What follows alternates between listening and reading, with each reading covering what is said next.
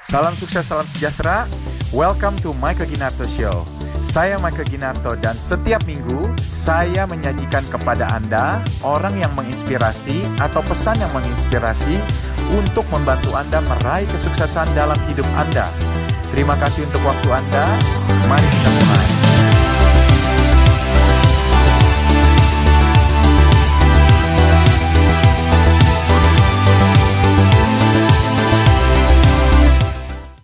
Wah ini kan kalau waktu saat Sour Sally saat itu down 2012 saya putus asa and just close the company and beres. I'm not gonna be where I am today.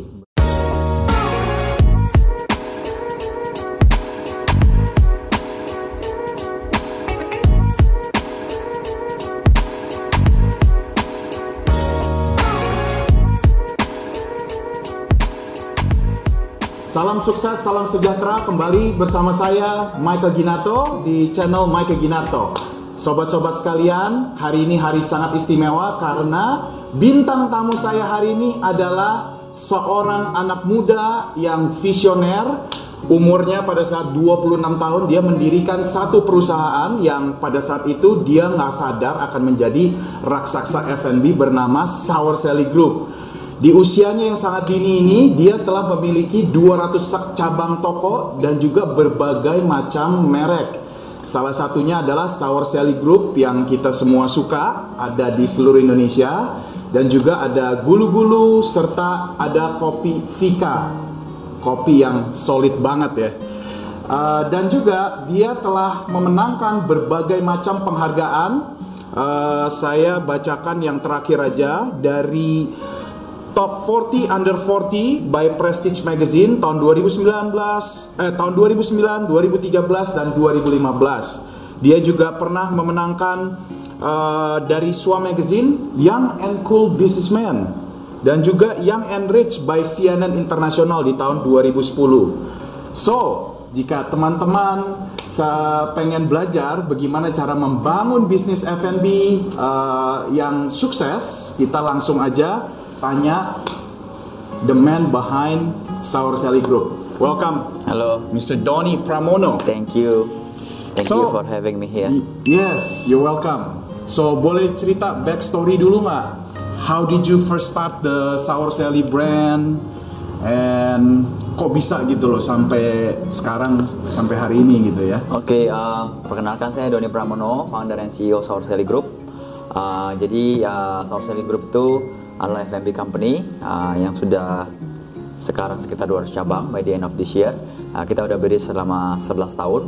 Um, jadi uh, fokus kita Sally Group adalah bisnis model QSR. QSR adalah bisnis model quick service retail di mana outletnya uh, outlet-outlet yang uh, simple, yang kecil, yang size-nya ukurannya sekitar 10 sampai 15 meter sampai 20 meter, uh, simple operations and very scalable. Jadi uh, backstory-nya sendiri Sour Sally, Sour Sally brand sendiri kita mulai tahun 2008. Uh, saat itu lahirnya dari hobi sendiri uh, dan juga memang lagi uh, passionnya itu hari pengen start uh, consumer brand yang bisa yang bisa uh, yang saya pengen bawa balik ke Indonesia seperti itu. Jadi tahun itu 2008 I just finish uh, graduate from school MBA uh, I like frozen yogurt and then I came back and start Sour Sally. Oke. Cabang pertama di mana pak? Uh, cabang pertama itu di Mall Senayan City uh, tahun 2008. Uh, outlet pertama. Uh, sekarang Sour Sally udah uh, 60 sekitar 65 cabang. 65 cabang ya. Basically di semua mall seluruh Indonesia yang level Mid pres- up, mid, middle up, middle ya, up pasti ada middle Sour up. Sally. Biasanya ada Sour Sally ya. I see. Secret sauce-nya apa? Banyak orang yang gue inget banget tuh tahun 2008 2009 banyak banget perusahaan-perusahaan yang mau coba niru your concept. Uh, ada mungkin sekitar 3 sampai 4 brand yang on top of my mind but I don't wanna say it. Cuman udah nggak kedengeran lagi tuh brandnya. Kenapa Sour Sally bisa survive sampai hari ini? Hmm, jadi salah satunya itu em, tentunya apa namanya understanding of the market ya. Em, salah satu seperti itu, keduanya adalah eh, inovasi, creativity ya kan karena inovasi itu di dalam inovasi sendiri kita menganut eh, pemahaman think different, not only better. Dalam arti uh, zaman sekarang itu sesuatu yang lebih enak, lebih baik itu udah banyak, ya kan? Desain yang lebih keren udah banyak, branding konsep yang lebih keren udah banyak. Tapi kalau sesuatu yang berbeda, berbeda dieksekusi dengan baik, ya kan? Dengan uh, almost perfect, ya kan? Dengan eksekusi yang baik akan menghasilkan sesuatu yang bukan hanya lebih baik, tapi juga you create your own blue ocean. Nah, jadi uh, saat itu ya, contohnya yang hasil think different adalah dengan uh, inovasi produk yang Black Sakura. Black Sakura merupakan salah satu produk yang berbeda dibandingkan uh, frozen frozen yogurt yang lain kan. Dan dengan sejak saat itu uh, apa namanya Black Sakura juga apa uh, bikin orang uh, mempunyai purpose karena dia charcoal itu punya karakteristik detox seperti itu. Bisa membantu untuk detox. I see. Jadi bukan pricing strategy, bukan yang nice location, bukan Uh, nice location pricing strategy itu basic ya. basic. ya? Semua bisnis kalau mau mulai pasti harus ada pricing strategy. Uh, ada target market yang mau dicapai. Location juga ada pasti apalagi retail. Uh, location is key. Ya kan salah satu kunci utama faktor kesuksesan itu adalah lokasi. Ya kan Uh, branding juga hal satunya ya kan. Um, the one that you know lah 6P, product, price, promotion, place itu uh, Udah wajib mutlak wajib harus punya. mutlak tapi yang Iya. Mm, something yang kita bisa dialih something yang kita bilang tadi sesuatu yang different gitu. What what is what can you offer different to the market? Yes. itu mungkin uh, Saul bisa bertahan uh, different tapi juga at the same time uh, understanding the market. Jadi selalu kita- kalau kita bikin produk itu pentingnya kita harus understand why juga. Why uh, why would people buy it? Gitu. Kalau memang lagi trennya itu why-nya adalah trennya karena masih tren you make something yang lagi tren tersebut gitu Kayak ada bikin ini ya, yang cone pakai gold ya. Ya itu saat itu kan Ya. lagi Lagi- lagi, tren aja, lagi, lagi tren yang ya. produk-produk es krim gold segala macam. Jadi kita bikin seperti itu, wine-nya adalah seperti itu. I Tapi see. gold itu sendiri juga ya untuk hype hanya untuk memang kita dibikin itu hanya untuk uh, six months uh, Oh. punya limited edition. I see. Seperti itu. I see, I see. Kalau boleh tahu nih, bagi teman-teman yang lagi mau coba berbisnis F&B, apa sih top 3 biggest mistake yang biasa orang lakukan gitu loh untuk memulai suatu bisnis F&B? Hmm. Mungkin saya bisa kasih bukan top 3 mistakes, top 3 things yang harus dilihat. Oke. Ya kan? Yes. Lebih baik ngomong yang positif daripada Oke, negatif. that, that works. So, Yes. number one, you have to know the potential of the market. Menurut saya kalau mau bilang bisnis itu, F&B itu, uh, because you know you gonna be in it, kalau memang mau serius menjalankan itu, uh, baiknya di industri F&B yang memang potensialnya besar, big market. Because once you go into the market, for example, ya gulu-gulu Saur Seli Vika, the biggest uh, marketnya itu ada di gulu-gulu sama Vika sebenarnya, bukan Saur Seli. Saur Seli is very niche. Frozen yogurt is niche, health product ya kan. Healthy product is, is still niche sekarang di Indonesia ya. Uh, tapi uh, dari Saur Seli tapi saya belajar. Jadi nomor satu itu uh, understanding the potential of the market. Kedua yang seperti bilang tadi ya, konsepnya harus different, not only better. Uh, ketiga harus ada elemen yang per dan ter. Yang per dan ter artinya uh, yang per itu adalah yang pertama. Uh, so ada ada komunikasi yang pertama. Yang pertama di dunia kalau bisa. Kalau nggak bisa dunia di di Asia. Kalau nggak bisa di Asia di Asia Tenggara. Kalau nggak bisa di Asia Tenggara di di apa namanya di Indonesia. Kalau bisa Indonesia di Jakarta ya kan. Yang penting bisa yang pertama. Per. Yang Iya. per. Terus ter ter apa? Eh, ter kalau bulu-bulu kita namakan cheese foamnya tergurih. Gitu. Jadi that's what people remember. Oh kalau makan ini ter ini nih ininya gitu. Kalau terenak orang udah tahu semuanya. Iya. Has to be specific. Specific. You cannot win everything kan. If you are known for cheese foam kayak gulu-gulu, cheese foamnya tergurih. Karena ada rasa asinnya, ada rasa manisnya, gurih, rasa milkinya seperti itu. So uh, that's that's uh, the three thing that that you have to pay attention. Oke, I see. Jadi uh, sekarang trennya ke mana? Lihat, uh, sekarang kan Bro kan lagi mau bikin satu konsep baru, mau disrupt salah satu uh, boleh dibilang industri warteg deh. Iya. Kenapa mau masuk ke warteg? saya gini pemahaman ini oke pema- oke the reason why we go to warteg itu karena we understand the market jadi kalau market F&B itu terdiri dari tiga fase ya kan? This is something that I learned uh, during my 11 years of experience ya. Uh, uh, fase terdiri dari tiga fase. Fase pertama itu adalah trend atau hype ya kan? Kebanyakan orang bilang F&B itu kan cuma tren-trenan F&B cuma hype-hypean. Ya itu memang benar tapi banyak salahnya ya kan? Uh, di fase tren sama hype ini itu hanya adalah salah satu dari tiga fase ya kan. Fase tren ini hype ini adalah biasanya fase-fase yang oh, orang antri-antri ya kan, orang holiday season, holiday sales banget, salesnya tinggi terus orang start sharing in the social media, bangga, kelihatan cool dan keren kalau share sosial media, ya kan. Nah, itu fase tren. Setelah itu eh, tapi kalau fase tren ini umurnya nggak panjang. Maksimum 6 bulan, satu bulan, dua tahun, paling lama tiga tahun lah, ya kan. Nah, Sally pernah mengalami itu tahun 2011 tiga tahun setelah berdiri udah mulai uh, going down ya kan? Tapi comeback again comeback story again comeback tahun 2014 nah ketika sama saya bangkit tahun 2014 itu ketika adalah waktu uh, dia sudah berhasil transisi dan sampai sekarang tahun 2019 sudah 11 tahun ya. Dia sudah transisi dari fase pertama itu hype trend menjadi fase kedua yaitu habit or lifestyle tersebut. Orang makan seli sudah menjadi habit. Kalau nggak habit nggak mungkin 11 tahun bisa bertahan. Constant sales, salesnya uh, stabil, ya kan? Uh, increasing as the market opening, which is when the market opens more, ya kan? Uh, location juga bertambah banyak, increasing sales, ya kan? Uh, yang fase terakhir adalah fase yang sudah paling kuat. Kalau bisnis sama produk F&B yang sudah bisa sampai fase ketiga ini udah, misalnya udah susah matinya lah. It will be there. It will not be gone udah part of people's lives no it's not even part of people's life it's part of people culture udah dia demand lah ya no, not demand itu fase 2 oh fase kedua kalau ya. fase 3 itu kultur jadi culture udah culture-nya udah memang minum makan yogurt after you have a meal gitu no misalkan. Sour belum jadi culture belum belum oke okay. untuk jadi culture Indonesia enggak hmm. ya kan Sour Sally sudah menjadi habit fase 2 fase 2 ah. kalau uh, fase 3 itu culture hmm. nah di fase culture itu uh, apa namanya uh, contohnya yang sudah jadi culture-nya orang Indonesia apa? Banyak banget. Martabak masih goreng sate ayam iya benar. soto. Iya bakal bener, mati nggak? nggak mungkin. Benar tapi bahkan produk-produk udah jadi culture for martabak contohnya. Iya. itu has been around forever right? Betul. Tapi ketika dia juga mereka butuh sesuatu yang hype lagi yang tren lagi. Makanya itu kan martabak sempat populer Betul. Toble, martabak Toblerone, Nutella. Waduh. Martabak iya. Itu inovasi, inovasi, inovasi, inovasi yang ya. bikin dia jadi hype trend lagi. Tapi sekarang kan udah lewat lagi hype-nya. Udah trennya. lewat. Balik lagi ke paling martabak sales seperti biasa. Mm -hmm. Jadi kalau karakternya produk-produk market yang sudah masuk ke fase kedua dan ketiga itu itu stabil salesnya. Hmm. Iya, iya. Nah, dia perlu dia mau kalau mau ada kayak begini-begini lagi salesnya itu ketika di, adanya di fase hype sama tren. Hmm. Gitu. Ya, ya, Jadi ya, itu ya. yang understand itu kultur. Oleh karena itu mengetahui warteg bahwa warteg ini sudah berada di fase ketiga yaitu sudah warteg sendiri sudah been around for 50 years kan. Uh, warteg sudah menjadi keseharian budaya orang Indonesia.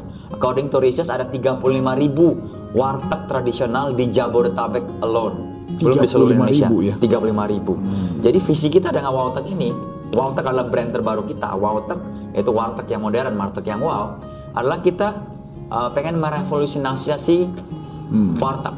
Hmm. Di mana warteg kita tahu meskipun begitu banyak, penggemar banyak, yang makan juga banyak, tapi banyak juga kalangan yang nggak makan. Hmm. Ya biasanya alasan kalau nggak makan uh, ada isu dengan higienitas, yeah. ada isu dengan tidak kenyamanan dalam mengkonsumsi di tempat, nggak panas mungkin, juga, ya? mungkin sometimes nggak fresh, ya kan. Hmm. Nah, jadi oleh karena itu kita offer something sesuatu yang yang uh, menjadi solusi, yaitu kita menyediakan sesuatu yang uh, higienitas tempatnya ada higien tempatnya fasilitasi nyaman AC-nya ada AC ya kan? Bahkan produknya sendiri pun masa kita bikin operational produk ini simple. Uh, kunci dari produk F&B scalable itu simplicity. Jadi kita bikin sesimpel mungkin dia punya proses. Jadi 80% dari 80% dari dari apa? Uh, cookingnya produknya hmm. ini masak itu dimasak di central kitchen. So hmm. there's no cooking almost there's no cooking in the outlet oh. di toko. Karena 50% dari higienitas itu datang dari proses cooking di outlet. Mulai dari storing of bahan raw materialnya. Raw material punya itu kan mengeluarkan bau. Itu juga mengundang binatang-binatang di di sekitar. Oke. Okay. Nah, jadi dengan adanya uh, centralized kitchen, ya kan, hmm. uh, yang dikirim makanan langsung kepada waktu, itu operasinya lebih simple, standarisasi juga lebih mudah di maintain, hmm. ya kan. Kalau ada kontaminasi di outlet, kita juga bisa langsung source kira-kira apa penyebabnya langsung down to the the the the, the, the factor. Oke. Okay. Gitu. Jadi Wautek ini uh, uh, think of something yang seperti dulu zaman dulu toko kelontong uh, direvolusi dengan adanya convenience smart yang ada sekarang di mana-mana apa tebaran. Betul. Begitu banyak. Toko kelontong dulu ketika kita belanja toko kelontong sama problemnya. Waktu kita beli barangnya kita nggak tahu Vivo-nya benar apa enggak, uh, expiry-nya udah benar apa enggak, we have to check lagi on our own. Ya kan standar penyimpanannya benar apa enggak. Harga toko satu toko kelontong dengan toko kelontong juga berbeda. Ya kan? Sekarang dengan ada convenience smart, ya kan? Semua SOP-nya sistemnya kita tahu kita Seragam. beli di sana SOP udah ada, produknya pasti benar, ya kan? Kalau mamanya produk nggak benar mau komplain, tahu mau komplain ke siapa. Nah, yang dikomplain juga tahu cara dia source-nya ke mana, Betul. untuk cari tahu inti masalah problemnya. Nah itu, jadi think of it toko kelontong yang jadi convenience smart, warteg menjadi warteg. Seperti itu. Jadi itu yang kita akan lakukan dengan konsep warteg seperti ini. Wah bagus banget ini konsepnya bisa-bisa fly loh ya. Yes, Tiga karena- ribu loh ya. Yes, ada 35 potensialnya. ribu dan juga eh, dibilang kalau FMB itu kan salah satu yang kalau sal- para- kita open for franchise ya waktu Yes. ini kita akan launching next week di next week per hari ini kalau saya ngomong tanggal Jumat minggu depan nih ya. hari Tanggal 15 ya. No no, hari Rabu minggu depan tanggal 13, tanggal 13. sampai tanggal 16 November kita akan di eh, berada di Sial Interfood GI Expo. Oke. Di situ teman-teman bisa uh, datang untuk mencuci makanannya, ngobrol langsung dengan uh, uh, tim Warteg kami untuk mendengarkan lebih lanjut apa sih Warteg itu dan juga bisa langsung memilih lokasi di sana yang mana tempat aja mau dibuka untuk Wartegnya, langsung booking bayar booking fee di sana dan sekitar 4-5 bulan kemudian udah si- siap untuk buka uh, Warteg outlet sendiri. Dan ini sistem franchise yang paling simpel karena kalau franchise kan orang biasanya contoh kayak gulu-gulu. Ya. Meskipun kita sudah bikin sesimpel apa pun, tetap custom ah, bukan customer. Pegawai di outlet itu harus tetap uh, uh, meskipun ada SOP-nya semuanya mereka harus me, me- meng- memorize menghafal ya kan training untuk cara bikin produknya. Katakan ada 30 macam varian menu. Mereka harus hafal cara membuatnya ya kan? Sedangkan kalau di Warteg sebenarnya nggak ada lagi. Di Warteg karena di outlet itu simple operation. Tinggal datang dari central kitchen ya kan? Tinggal proses towing masukin ke tempat penyajian warmer siap serving ke customer. Oh cepet ya. very easy Soalnya Seperti semua udah ada di central kitchen. Yes. Kalau warteg semuanya 80% dia bikin ya. ada di Central Kitchen. Oke.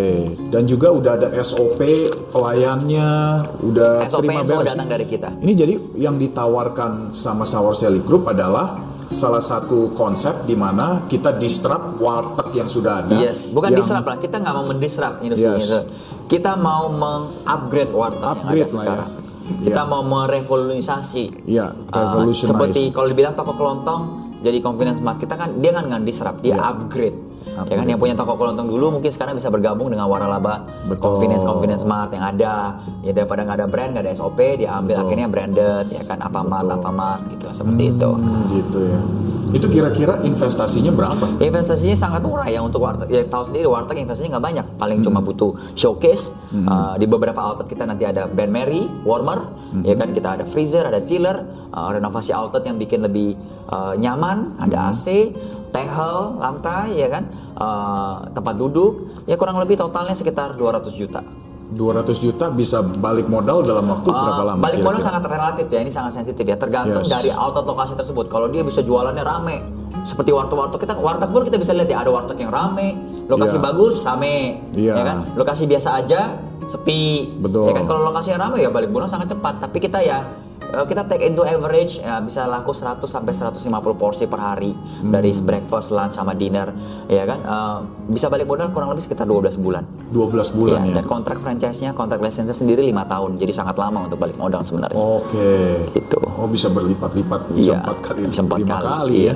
betul. Oke, that's good, very interesting ya. Iya. Nah kalau misalkan uh, orang-orang yang mau belajar lebih lagi bisa kontak you di mana? Boleh, eh, jadi kita ada namanya eh, kontak eh, email untuk eh, franchise ini, Hmm. namanya waralaba at sourcellygroup.com. Waralaba at sourcellygroup.com Iya, jadi ya. bisa kontak ke sana, kita akan send lagi informasi lebih lanjut tentang Hmm. warteg tersebut. Oke oke. Terus ini different topic nih, different topic Iya. nih. Uh, you sebagai pengusaha ini kan luar biasa. 11 tahun to keep a brand is not easy. Ya, boleh ceritain nggak titik terendahnya Bro Doni pada saat kapan dan what was it sih? Eh, jadi titik terendahnya itu waktu saat pertama saya dengan mempunyai Sour Sally brand itu sendiri. Ketika Sour Sally brand sudah habis fase trennya, hype-nya sekitar 2011-2012 itu titik rendah. Ketika saat itu uh, betul-betul uh, suffering ya kan, uh, omset menurun ya kan, uh, omset menurun, revenue menurun, tapi operational cost masih banyak, bayar rental ke mall, ya kan, terus habis itu masih harus membayar gaji karyawan ya kan. Jadi itu saat titik terendah. Dan kemudian saat itu juga udah banyak orang yang bilang kayak udahlah memang bisnis F&B, frozen yogurt apalagi ya kan, dessert gitu kan tren-trenan, umurnya nggak panjang. Saya jadikan itu sebagai salah satu challenge untuk saya untuk pada saat itu tuh saya mulai mencari banyak mencari jawaban. Tepatnya itu saya mencari jawaban. Apa penyebab ini dan apakah ada jalan keluar? Hmm. gitu. Jadi saya, saya banyak nonton nonton pergi seminar talk show uh, belajar dari buku, uh, ikut coaching bahkan ya kan, ikut workshop, lean management, Luar six, six sigma ya kan, semuanya. Gila. I, I learn everything bahkan hmm. uh, bahkan yang sangat agak sedikit tidak relevan tapi relevan juga untuk bintik tim uh, belajar grafologi yang grafologi. Yes, you know grafologi? Grafologi is understanding people character from tulisan tangan tulisan sama tanda tangan, tangan. Ya. Ya. Ya, ya, ya. Terus habis itu uh, terakhir saya juga ada belajar face reading ya kan. Uh, because you doing with people every day when you hire people dari tim kan udah lebih ini kan ya. Bahkan grafologi sampai sekarang kita jadikan salah satu metode untuk hiring kita. Oh dilihat dulu tulisan yes, tangannya. Grafologi ada di reportnya segala macam tulisan tangan tangan. Hmm. Jadi itu for you to hire the right people for your team. Wow. Seperti itu. Jadi uh, uh, itu dan ya of course jawabannya nggak bisa langsung ketemu dari itu. Jadi uh, tidak ada jawaban yang baku ya kan? Jadi uh, saya dapatkan sendiri jawabannya. Jadi lebih paham tentang FM industri yang saya bilang tadi. FMB ada, ada tiga fase phase phase nya dan how to translate from one to another phase uh, itu saya dapat dari bits and pieces. I track connect the dots together and and become uh, ini. Berapa lama dulu tuh bleeding ya bleeding phase tuh? Bleeding phase 2000 dua tahun ya tiga tahun dua, ya. dua tiga tahun ya. Yeah. how to course lagi itu belajar hmm. isi dengan ilmu knowledge hmm. dengar-dengar uh, dengar-dengar seminar dari kayak people. zaman dulu sayangnya belum ada Michael Ginarto channel Jadi kalau yes. enggak lebih gampang nggak perlu 2 3 tahun belajar ya. Mungkin yeah. nonton sekali udah tahu yeah. jawabannya ya kan. Betul, betul. itu butuh waktu lebih lama, have to yeah, yeah, segala yeah. macam gitu. Cuman udah udah gitu you you get up and bikin brand baru apa enggak? Enggak, enggak bikin brand. Enggak. Jadi kita inovasi, revitalize the brand. Tapi waktu revitalize the brand itu sudah menganut pemahaman itu, think different, offering something, harus why before what, seperti itu. Jadi akhirnya jadi dan uh, belajar SOP-nya lebih rapi. SOP sekarang kita terapkan di auto tuh saya juga belajar dari workshop yang lead management tersebut Six Sigma kan. Six Sigma lead management ada yang di, di apply di situ juga. Keren banget nih. Gitu. Ternyata suka baca buku loh. Ayo nggak iya, tahu ini. Terus uh, sekarang udah sukses, inovasi brand baru. What keeps you motivated? Apa ya? What What are you looking for? Nextnya tentunya ya ini saya sangat pemahaman saya tentang sukses itu adalah success is a journey, is not a destination ya. Mm-hmm. Ya kan once uh, uh, apa namanya uh, bergaul dengan CEO CEO seperti Pak Michael gitu kan keep me motivated juga belum ada YouTube channel yes, ada yes. podcast ya kan yes. It keep me motivated terus aja jadi ya uh, something that I want dan sekarang yang nextnya itu for me itu karena saya we our Sally Group we have already have experience ya kan mm-hmm. not saying that we are perfect tapi somewhere we are there ya kan mm-hmm. um, 11 uh, years of experience in QSR. Jadi sekarang kita juga pengen membantu nih uh, rekan-rekan FMB owners di Indonesia yang punya produk bagus, punya brand bagus, ya kan? Tapi punya problem to scale up untuk mengembangkan usahanya, ya kan? Kita kebetulan uh, uh, we have a new initiative namanya Selera Capital. Jadi Selera Capital itu adalah sebuah investment arm of Sally Group yang visinya adalah to empower local Indonesian food supaya bisa berkembang. Jadi contoh, uh, mungkin katakan bro uh, apa Michael ada sebuah rumah makan bakmi katakan, bakmi ayam dah, enak rame, punya satu cabang tapi nggak tahu cara ngembanginnya, ya kan? Mungkin sudah pernah berkembang, tapi setelah berkembang cabang kedua, ketiga, keempat, kelima karena merasanya beda-beda. Ya kan? Customer nggak suka, servisnya beda-beda. Akhirnya tutup lagi, fokus kepada satu outlet aja. Hmm. Ya kan? Nah, kalau ngomongin bisnis bisnis seperti itu kita bisa ayo kita kolaborasi. We'll help you with the management know-how, we'll give you uh, access to capital, ya kan we help you kalau if you want to grow eh, if you want to grow uh, by franchising we we help you how to manage franchise how to sell franchise how to grow your your Jadi brand. i- you become the mentor. no we kasih- become the aggregator. Aggregator apa maksudnya itu? Uh, Aggregator. jadi kita bisa juga memberi pendanaan pendanaan juga. ya seperti orang mungkin bisa oh seperti venture capital loh nggak sepenuhnya seperti venture capital. Seperti agak in- ada inkubatornya ada agregatornya Oh, gitu. Jadi we, we, we partner with you we collaborate with you we form a new company whereby kita yang manage semuanya we grow your company you just Oke. have to uh, focus on the R&D on the Oh. product karena kenapa kebanyakan business owner dari F&B ini seperti tadi bro bro siapa uh, Michael tadi bilang F&B yang mulai kan banyak pikirnya gampang yang penting bisa bikin makanan enak bisa jalan iya. ada benarnya tapi banyak salahnya juga. Jadi you can start with one, sukses tapi mau berkembang susah. Nggak Karena bisa, not, iya. not all F&B entrepreneur itu businessman. Kebanyakan F&B entrepreneur itu adalah product maker. Oh, They are good at making product, but they are not businessman. Jadi kita uh, businessman sebagai bisnis yang udah punya 11 years of experience, kita bisa menawarkan jasa uh, kolaborasi, bikin grow your company. Gitu. itu ya selera kapital. Selera kapital. Jadi kita visinya itu. Contohnya salah satu contoh lagi di Indonesia ini kan begitu banyak uh, makanan daerah, Betul. ya kan? Contoh, Bro Michael dari mana?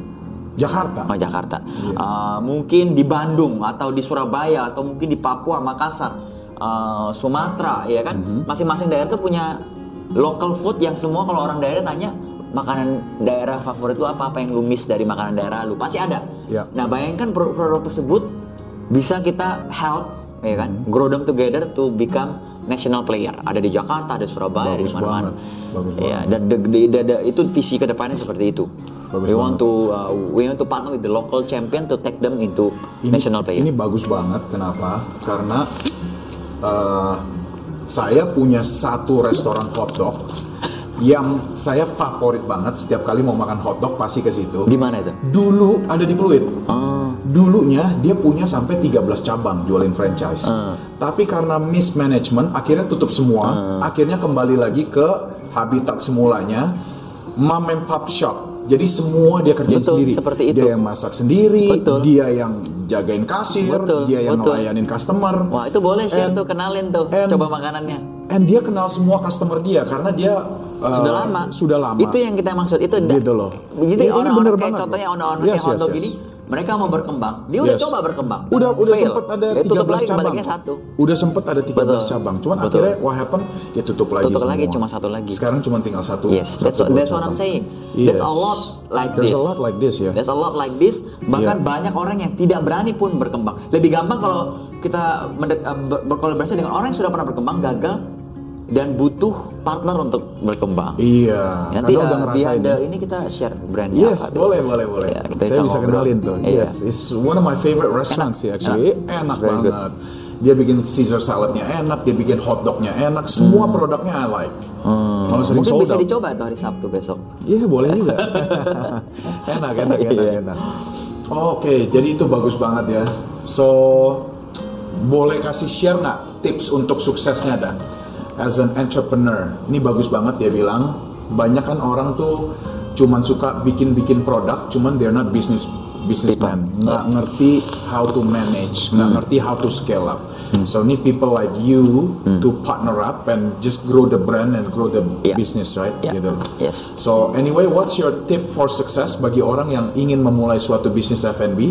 Hmm. Bisa sekolah dulu ada inkubatornya di Salera Wah, Capital bu- atau Jadi kita bukan sekolah ya. Yeah. Kita only part we want to partner with someone yang contoh tadi yang punya good product already. Yes. Already good product. Yes. Oh, Kalau bisa mungkin sampai 5 tahun 10 tahun operation. Yes. Ya kan rame, enak, banyak customer customer tetapnya. Betul. Tapi dia mau berkembang dia nggak tahu caranya.